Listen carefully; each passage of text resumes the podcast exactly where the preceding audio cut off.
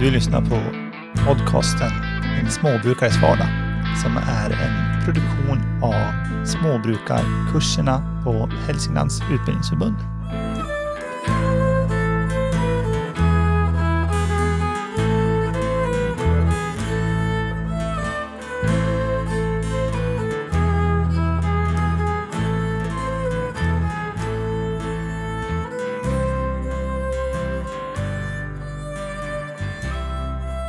Ja, hej och välkomna till ett avsnitt i podden En småbrukares vardag. Mitt namn är Andreas Helgesson och här sitter jag med Therese Westlén och Anders Persson. Senaste avsnittet här, då pratade vi lite om att vara småbrukare i februari och vad man gör då. Men jag tänkte kolla, är det någonting mer man gör än att förodla i februari? Vad har man? Ni har ju djur och ni har ju mycket att stå i ändå kanske. Ja, absolut. Och vi hade ju förodling som tema, det för det är ju, vi, vi vaknar ju upp ur en liten vintervila nu då, förhoppningsvis.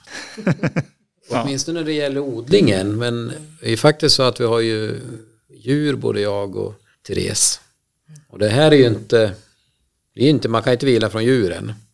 Och det är ju faktiskt så att det, det blir mer jobb den här säsongen än vad det är sommartid på många sätt. Kan ni inte berätta vilka djur ni har? Jag börjar du Therese. Ja, men precis. Jag har ju lite höns hemma. Hur många höns har du då? Har du räknat då? precis. Det känner Jo, men man det att är man alltid faktiskt- borde göra. 11 höns och tre tuppar. Så att det är några, lite för många tuppar just nu. Och vi har ju lite blandade sorter. Vi började ju med ganska, vad ska man säga, sådana som värper bra och inte har så mycket ruvningsbenägenhet.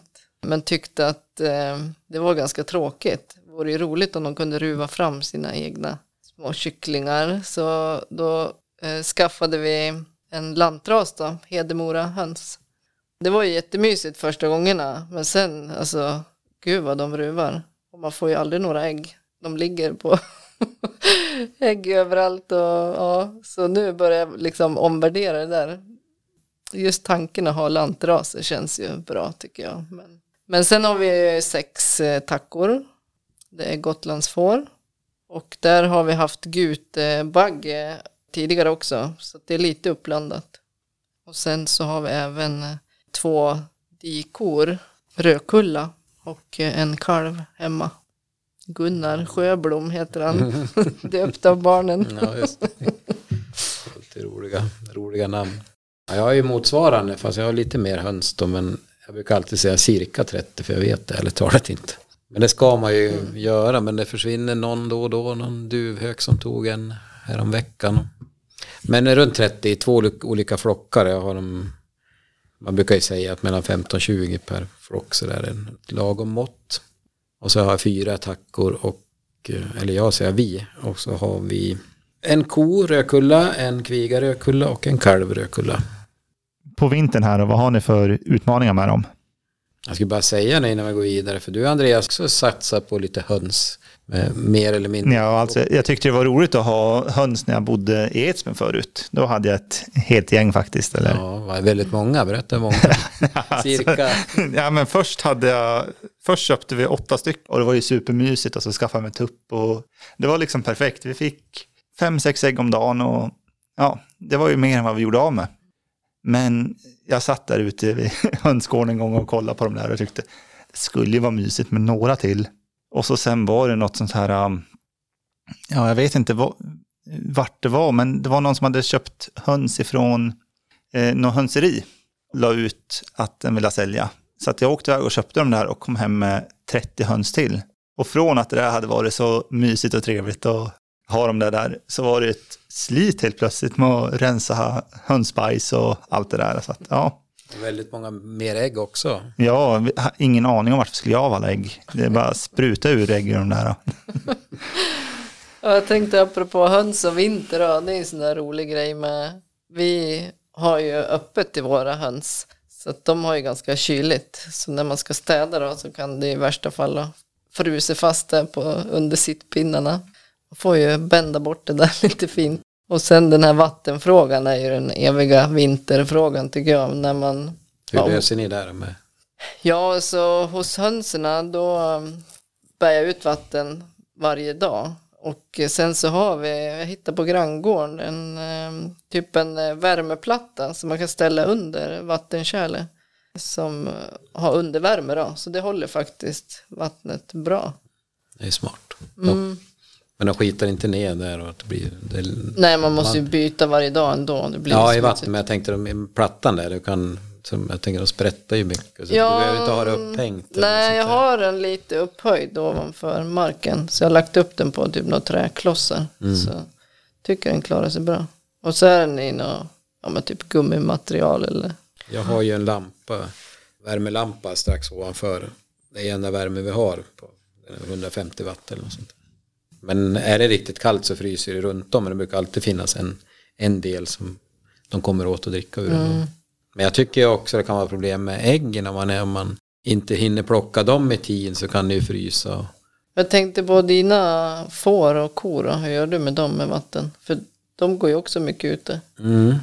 Ja, men det tycker jag hittat ett bra system. Vi har ju värmehinkar till fåren och de är 20 liters. eh, De är fyra dricker inte så mycket, inte vet jag. Jag har inte haft så många får tidigare heller men de är väldigt sparsamma att dricka så det är inga problem. Kossorna däremot, och det är också 20 liters hink. Och där får jag springa, det, det går kanske på de här 300 liter per dag.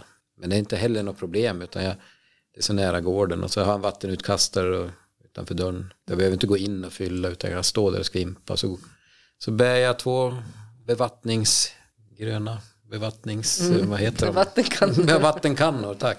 Ja. Nej, det- men det, jag tycker det, det fungerar helt okej. Men det är klart att det är inte helt lätt att leja bort där om man ska åka bort någon gång. Att det är fyra gånger per dag. Så det, Nej, precis. det är en sån här vinter, vinterproblem som blir, då blir det helt plötsligt mer jobb. Man vilar från en sak men mer jobb med djuren.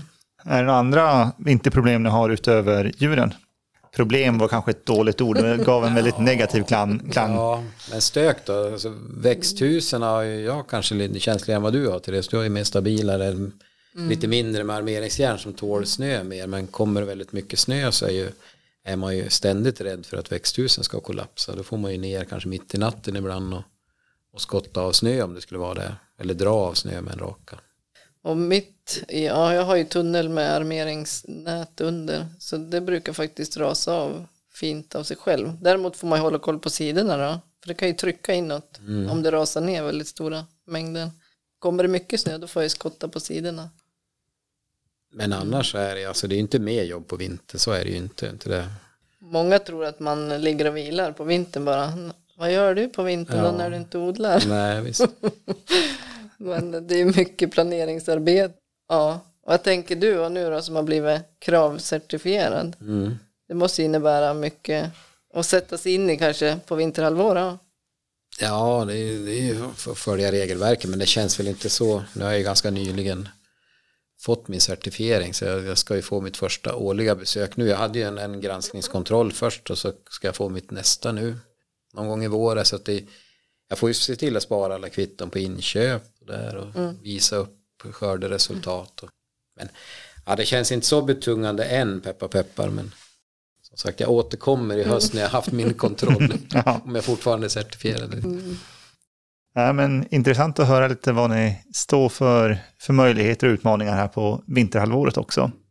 Och vi kommer väl in på fler saker för det är ju liksom en ständigt grubbleri är ju det här med, med småbrukarnas roll framöver. Men nu, vi, vi är ju en orolig värld och nu är det februari 20, 2022 och med, med allt vad det innebär med, med krigshot runt omkring och så. Då kryper de här frågorna ännu närmare in på. Dieselpriser kanske. Dieselpriser är en sån här sak som påverkar även oss. Mm. Tillgången på fröjer, allt sånt där. Så att det är är ett grubbleri runt det här och det är ju de här stora frågorna kryper ju närmare på oss. Och vi är som vi sagt ser oss själva som en del av en rörelse som ska säkra upp samhället i händelse av krig. Så att Det får bli ett annat poddavsnitt. Eller? Apropå problem. Nu, nu öppnar vi upp lite lugnt här och så går vi in på de stora problemen längre fram i podden. Det. Tack så mycket för det här avsnittet så Tack för den här fikarasten. ja, hörs vi vidare. Ja, hej. Ha det gott alla. Hej hej. då.